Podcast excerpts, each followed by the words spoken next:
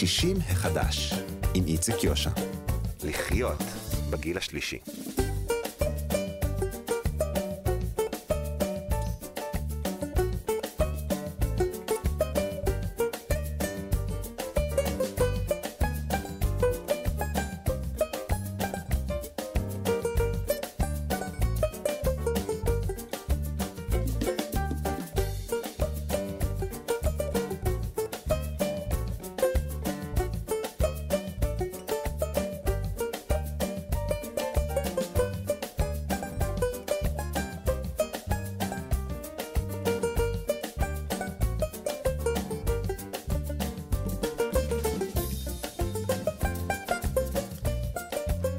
שלום, בוקר טוב לכם, מאזינות ומאזיני כאן תרבות, אנחנו 60 החדש.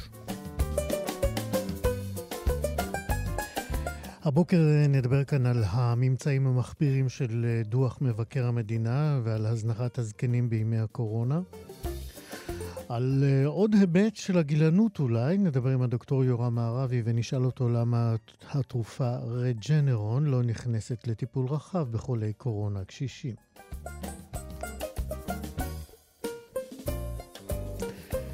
נדבר גם על uh, תופעה שהולכת ונעשית uh, מבהילה, התאבדות של uh, דיירים בדיור מוגן ובבתי אבות לאחר בידוד כפוי.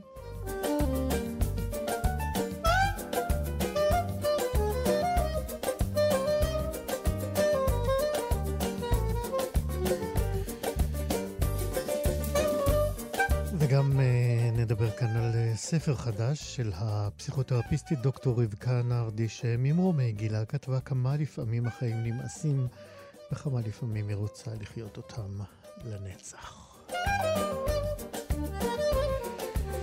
תהיה לנו גם uh, מוסיקה ישראלית מראשית הפופ הישראלי, ככל uh, שנספיק. בצוות היום שירי כץ, עורכת משנה של התוכנית, אבי שמאי בהפקה, מיכאל אולשוונג הוא טכנאי השידור. אני איציק יושע איתכם עד 12. 60 החדש.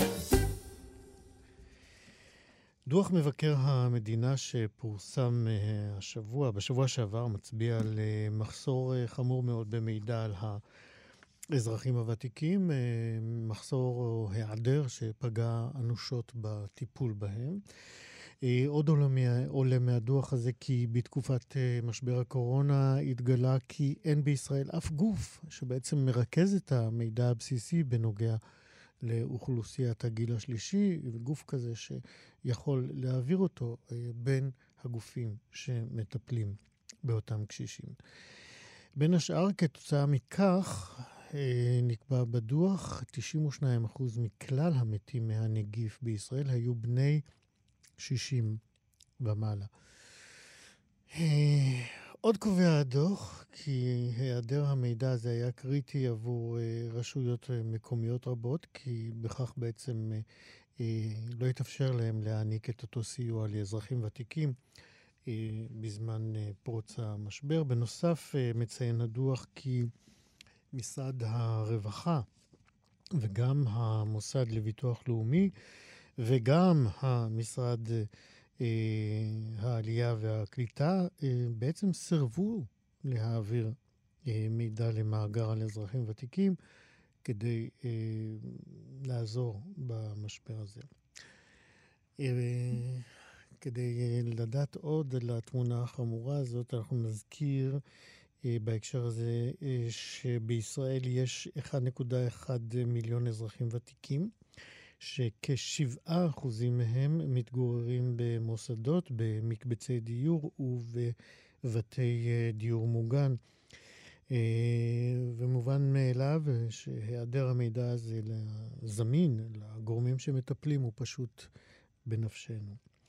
לאה שץ סופר היא יושבת ראש עמותת דיירי הדיור המוגן, והיא לא מופתעת מהנתונים וממשיכה להתריע. שלום, לאה שץ סופר.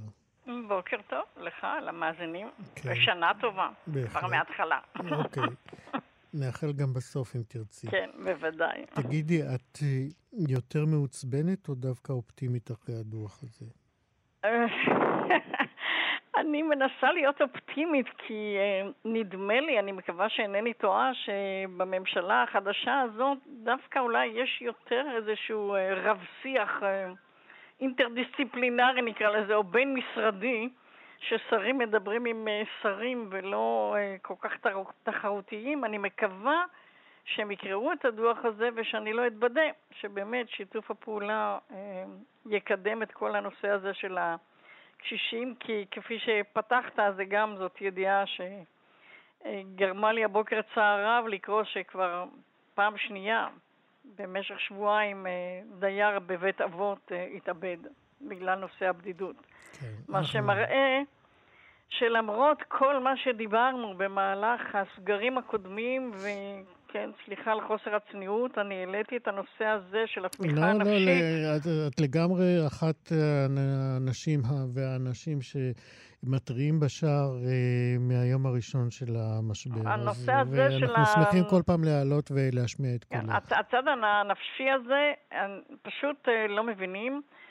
לא מבינים כמה זה קשה, אפילו בדיור המוגן, שבו אנחנו מתניידים בחופשיות, אפשר לומר, עדיין עם, דווקא לאחרונה בגל הרביעי, כאשר החיסון השני קצת פגה השפעתו, היו פה ושם התפרצויות, גם בדיור מוגן, מה שבגלים הקודמים לא היה, כי סגרו אותנו יותר, אבל זה בסדר, אנחנו רוצים את העצמאות הזאת, והתגברנו על כל ההתפרצויות האלה, אבל עדיין תאמין לי, הבידוד הזה, גם כשאתה לא חולה, רק בגלל שהיית בקרבת חולה מאומת ואתה יושב לבד בדירה, זה קשה מאוד. לא תמיד טורחים להתקשר אליך כל יום.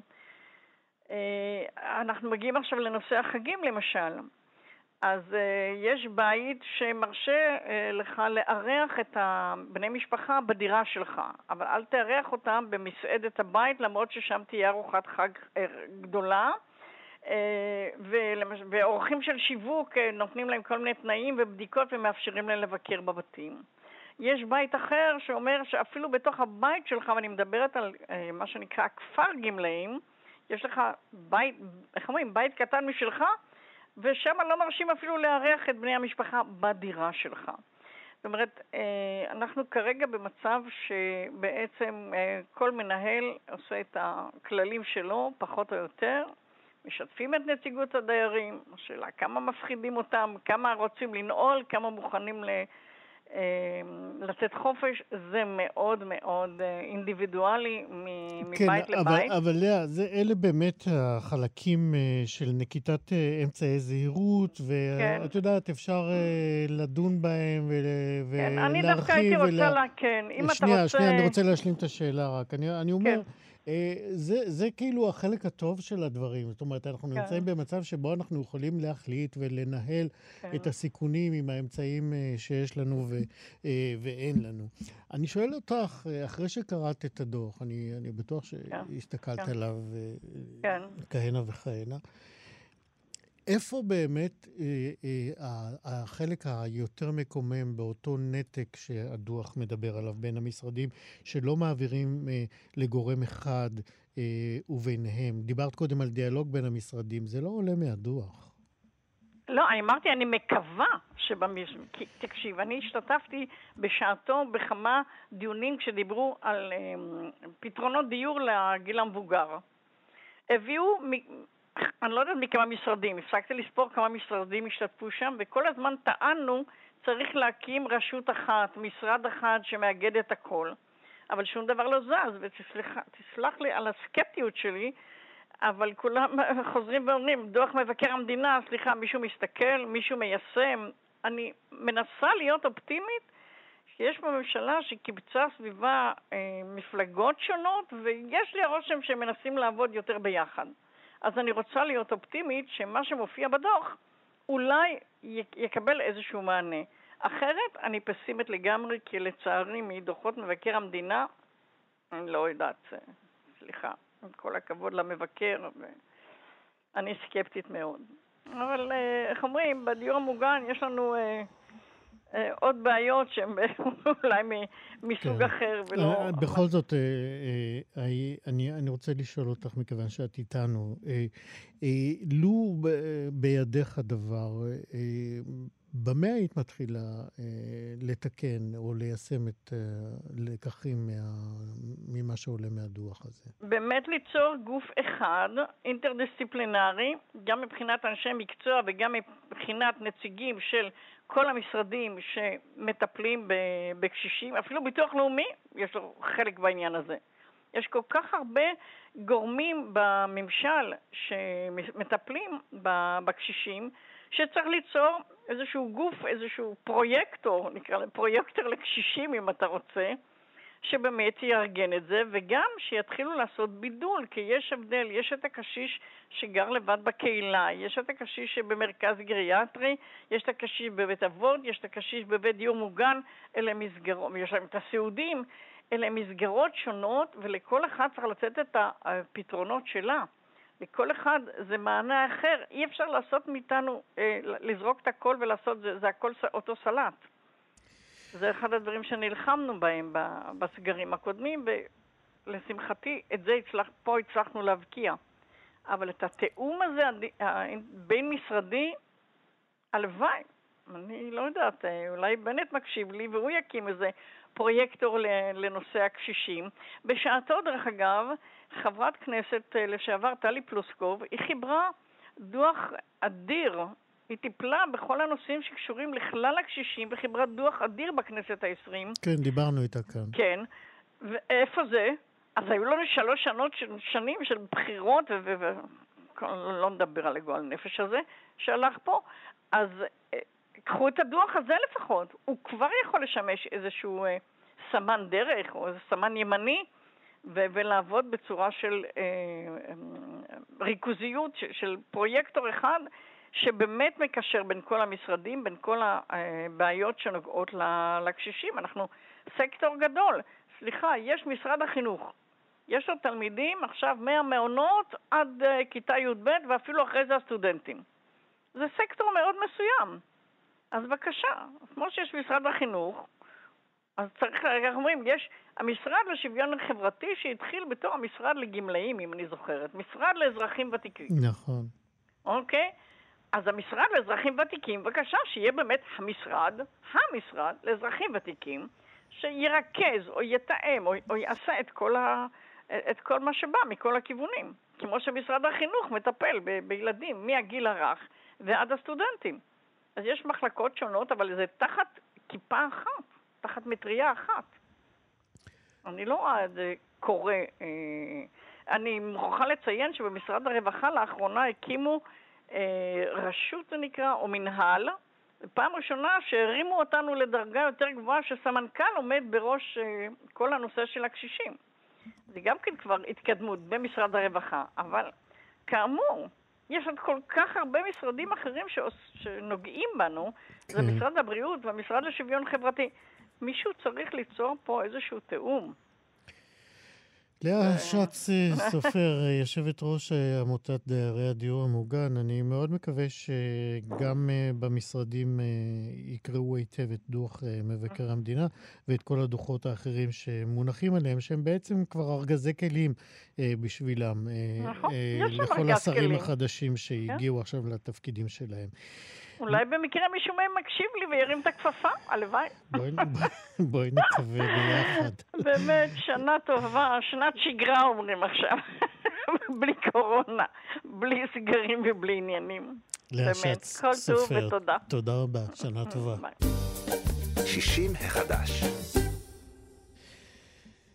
זה לא פחות מגילנות, אה, כך אה, חושבים לא מעטים שנחשפו לעובדה שקיימת אה, תרופה יעילה לטיפול בקורונה, ובכל זאת השימוש בה הוא לא נרחב כולה כל כך, וגם לא הכל יודעים על קיומה של התרופה, למרות שפורסם עליה בשבוע שעבר יותר. אומרים על התרופה הזאת שהיא תרופה מצילת חיים, וקוראים לה רג'נרון, ומומחים גם מדווחים כי... היא מונעת אשפוזים ב-85% מהמקרים, היא מונעת תמותה ב-70%.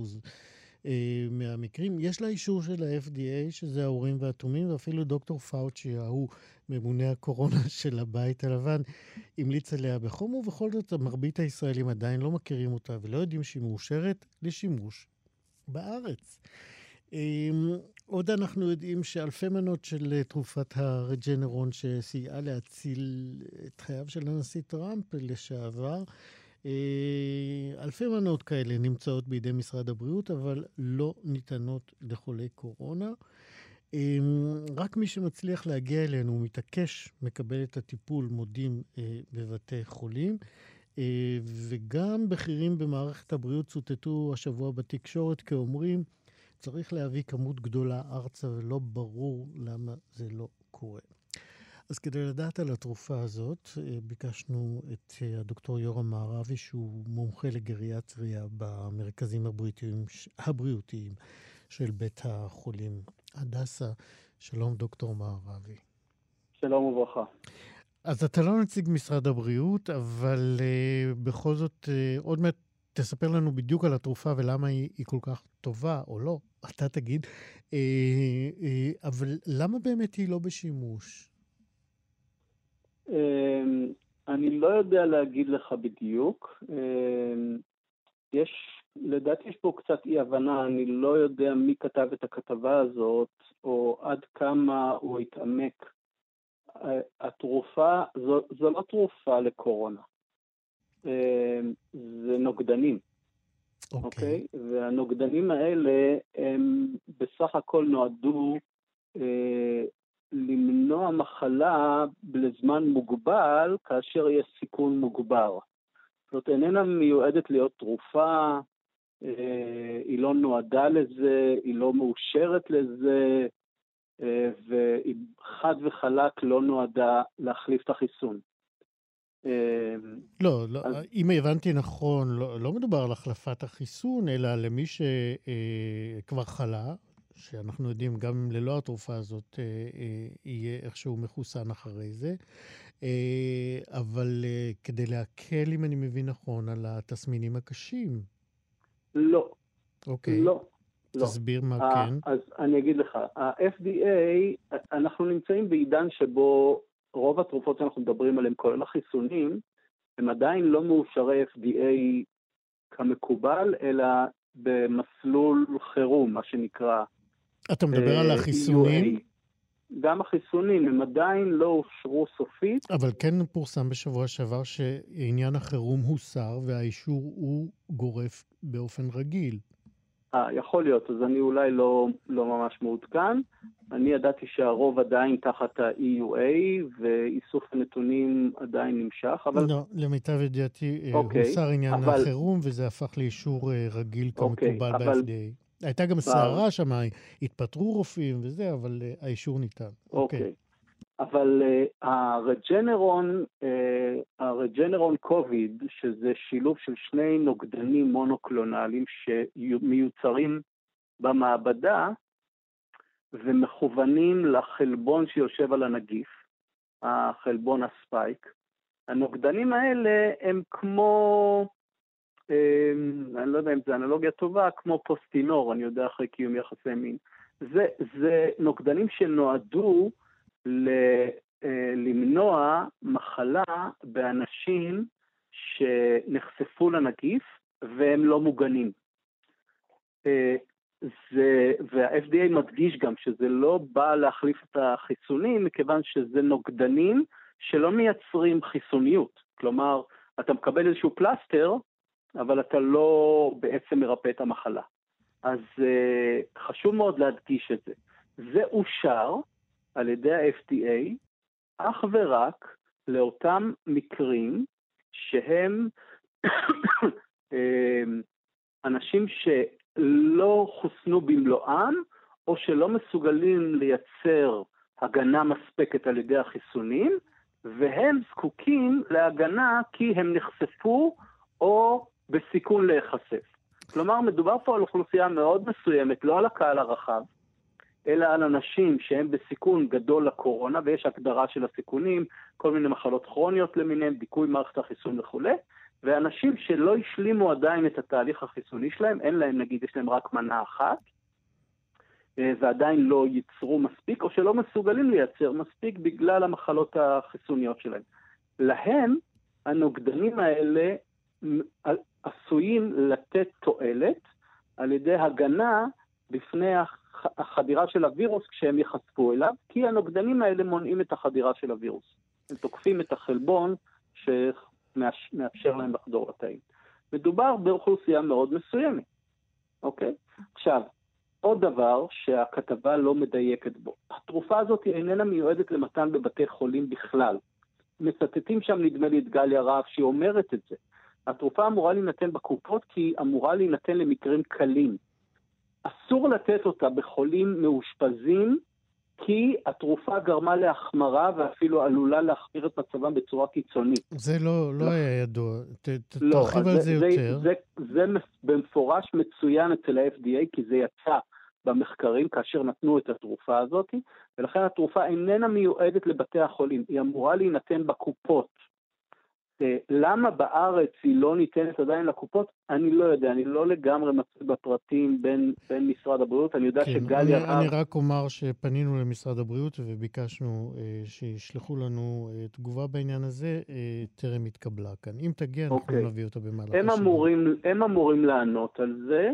השימוש של התרופה אמור להיות בקהילה, אה, אמבולטורי, לאותם מקרים קלים, כפי שאני אומר, שנמצאים בסיכון או לאחר חשיפה. כן, אז... ולא אז, בבתי החולים. זאת אומרת, נכון, אתה לא, לא היית שם בטח בחדר של, אה, של טראמפ, אבל לפי הפרסומים לפחות, הוא קיבל את התרופה הזאת, ובמה היא באמת, כמו שאנחנו ראינו, העמידה אותו על הרגליים?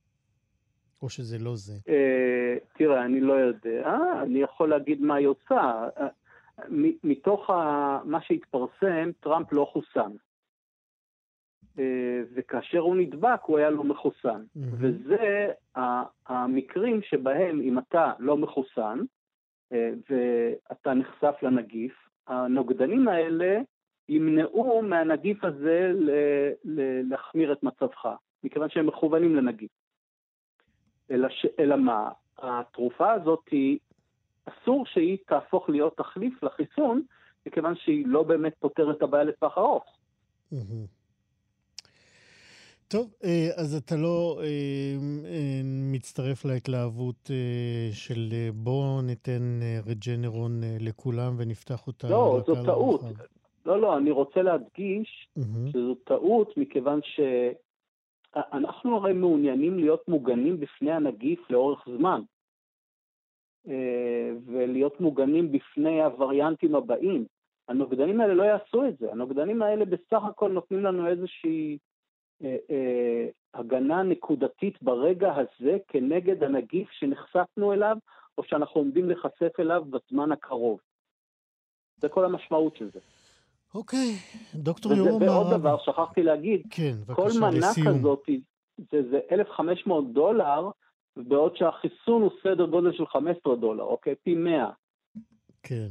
אז בפרופורציות. אה, אתה יודע, בעניין של חיים ומוות, אה, חוץ מענייני הסל, טוב, אתה יודע, לא ניכנס לדיון לא, לא, הזה. לא, לא, אני לא שולל את השימוש, אבל כן. שזה יהיה למקומות הנכונים והראויים שבהם זה נמצא נכון.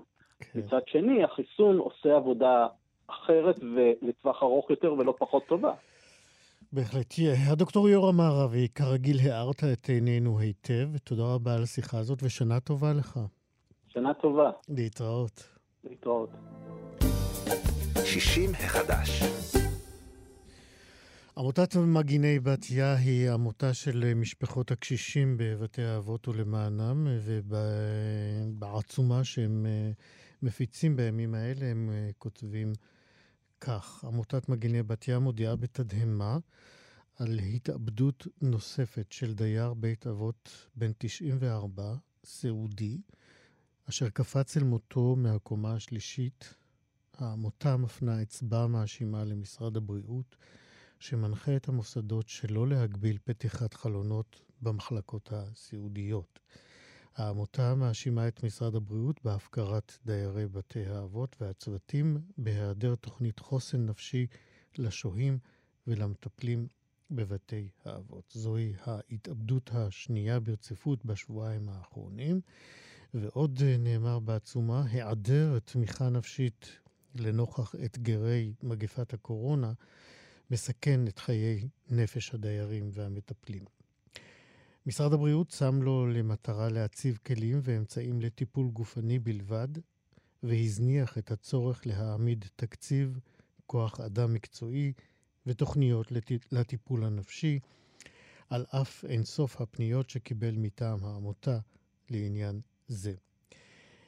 אם משרד הבריאות לא יתעשת, כותבים בעצומה, נחווה מגפת התאבדויות לצד מגפת הקורונה. אנו קוראים גם לראש הממשלה להתערב מיד וללא דיחוי. כך בעצומה, ואני אומר עכשיו שלום לדוקטור אוריאן יצחק, מייסד העמותה. שלום, בוקר טוב. מה אתה יכול לספר לנו על הקשיש שהתאבד בן ה-94? מדובר בקשיש שהגיע מן הקהילה לפני כשלושה שבועות. אה, לא היה ניתן אה, להחזיק אותו בביתו, ולכן הוא נדרש גם לטיפול רפואי רצוף ובהשגחה במוסד כמו לדוגמה בית אבות. וזה הפתרון שמצאה המשפחה. אם אה, ייכנסו לאותו מוסד, הקשיש חווה מצוקה נפשית מאוד מאוד גדולה מן המעבר הזה. צריך להבין שכאשר אה, דיירים נכנסים אה, לבית אבות בתקופת הקורונה, למעשה מורחקים מבני משפחתם. את כל התהליך הם עוברים לבד, וזה מהווה לחץ נפשי כבד מאוד. המטפלות מאוד לא פשוטה. אה, של אה, אנשים בני גיל מהסוג הזה. אה, וזה מה שהביא אותו, כמובן זה יצר רק איזושהי בעירה נפשית גדולה מאוד, של מצוקה נפשית של דיכאון, וזה מה שהוביל אותו להתאבדות.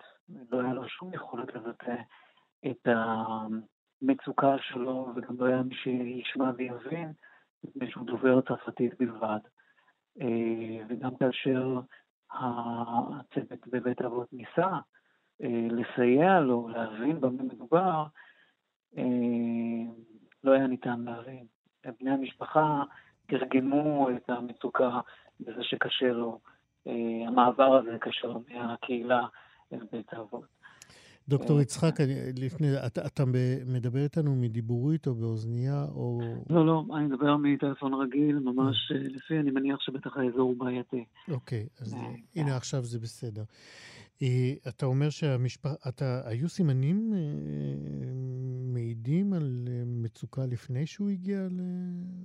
למקום שהוא היה מאושפז בו? לא שידוע למשפחה, המשפחה מתארת שמדובר באדם... אה, אה, עצמאי, אמנם הוא סיעודי, הוא לא מרותק לכיסא, הוא נעזר בכיסא גלגלים, אה, אבל הוא חייכני אה, ופעיל ומאוד אוהב חברה. והעובדה שהוא הגיע למקום שככל הנראה לא היה לו יכולת להתבטא או אפשרות לתקשר עם האחרים, כנראה זה עוד מרכיב נוסף מן המצוקה שהוא מילא.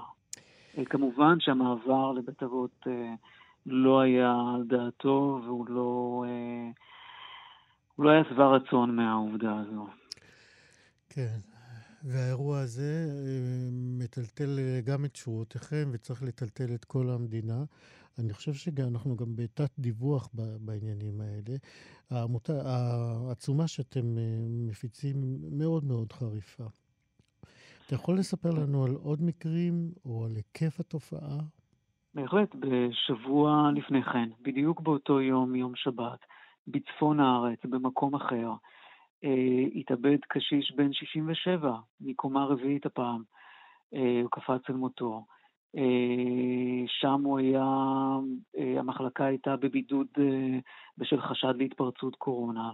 לצערנו הרב, אה, המוסד סגר את הדיירים בחדרים בהוראת משרד הבריאות. הוראה חריגה מן הנוף שאנחנו מכירים, מנוף הנהלים וההוראות שאנחנו מכירים שיוצאים מטעם משרד הבריאות. לא היה שום נחיצות וצורך לבידוד מהסוג הזה. צריך להבין שבידוד בחדרים הוא בידוד שבדרך כלל המגע שקיים אה, עם הקשיש ששוהה שם אה, מתבצע רק כאשר שצריך אה, לבצע. החלפה או להכיל אותו או לתת לו תרופות, ובמשך 11 יום זה יצר מצוקה קשה מאוד, וגם שוב מדובר בקשיש סיעודי שמצא כוחות על להתגבר על המוגבלות שלו, כדי לנסות לסיים את הסבל שבו הוא היה. ושם ידענו במוסד הזה על מצוקה מאוד קשה, שקיימת גם לדיירים נוספים. Uh, לצערנו הרב משרד הבריאות התעלם מכל הקריאות שלנו. אנחנו היינו מעורבים עוד טרם האירוע, אירוע ההתאבדות שם, ניסינו למנוע את המצב הזה, אבל נתקענו באטימות.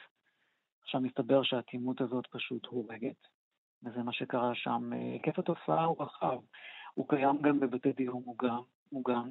בחודשיים האחרונים שמענו על התאבדות שוב במרכז הארץ, מבתי דיור מוגן. לפני כן שמענו בדרום. לא מפרסמים לצערי הרב את הנתונים האלה, וחבל מאוד. אנחנו מתריעים כבר שנה וחצי שהנתק בין המשפחות לבין הדיירים הוא מודל שצריך לשרש אותו מן העולם. צריך להפסיק את השיטה הזו, צריך להמשיך לאפשר למשפחות לפגוש את יקיריהם על אף אתגרי הקורונה, ולמרות הצורך בהגנה עליהם, אי אפשר לנתק את הצורך הנפשי לקיום פרקטי של אה, אמצעי פרקטי, חברתי, אה, בתוך המוסדות עם הקשר המשפחתי, כי זה קיום אה, זה מסד קיומם של אותם דיירים שנמצאים שם. בכל בוקר שהם מתעוררים, הם שואלים מתי יגיע, תגיע המשפחה כדי לבקר אותם. זה מה שמאפשר כן. להם להמשיך לחיות. אני רק אומר שהעברנו את תוכן העצומה שלכם אה, למשרד הבריאות, אה, וביקשנו מהם להגיב גם לזה. גם כאן אה, עדיין לא התקבלה תגובה של המשרד. דוקטור אוריאן יצחק, כמי שעוסק בטיפול במשפחות האלו ובקשישים, אני מניח שאתם התוויתם תוכני, איזושהי תוכנית או איזה שהם מהלכים שנראים לכם חיוניים. אתם, למי העברתם אותם? אנחנו העברנו אותם כמובן גם למשרד הבריאות וגם לחברי קבינט הקורונה, גם לוועדת המומחים של הקורונה, למעשה לכל גורם ואמצעי, כמובן לחברי הכנסת בכלל, לנשיא המדינה הקודם. ניסינו אה, למצוא איזשהו אוזן קשבת מאיזשהו גורם שיאפשר אה, בחינה של התוכנית שלנו. התוכנית שלנו למעשה... אז זהו, בזמן הקצר שיש לנו, תנסה לתת לנו שניים או כן, שלושה מהעיקרים של התוכנית שלכם. בהחלט. למניעת התאבדויות אצל קשישים.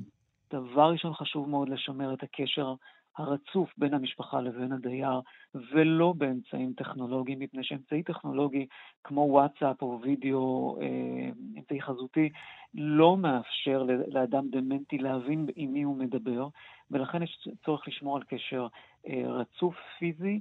עם, תוך כדי מגע. איך עושים את זה לגעת בו ביד, להחזיק את היד. אפשר לגעת בו ולהחזיק ביד באמצעות כך.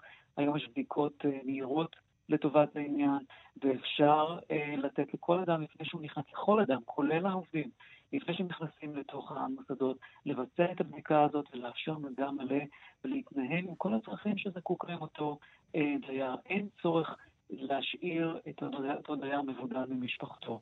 זה דבר אחד. דבר שני, לאפשר בתוך המוסדות קיום תוכנית חוסן נפשי שמכניס פסיכולוגים המאפשרים גם לצוותים וגם לדיירים להתמודד עם אתגרי המגפה הזו, שהיא מגפה מאוד מאוד לא פשוטה.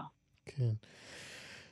טוב, אנחנו נצטרך uh, להסתפק בדברים האלה. לצערי, uh, דיברנו על דברים uh, לא שמחים, אבל uh, אנחנו חייבים uh, לשים אותם על סדר היום ככל שאנחנו יכולים, uh, כדי שלא יקרה מה שאתם uh, uh, כתבתם uh, בסוף העצומה שלכם. אה, אם משרד הבריאות לא יתעשת, אנחנו נחווה מגפת התאבדויות לצד או בצד מגפת הקורונה. דוקטור אוריאן יצחק, תודה רבה שדיברת איתנו. תודה רבה לכם. להתראות. תודה. שנה טובה. 60 החדש.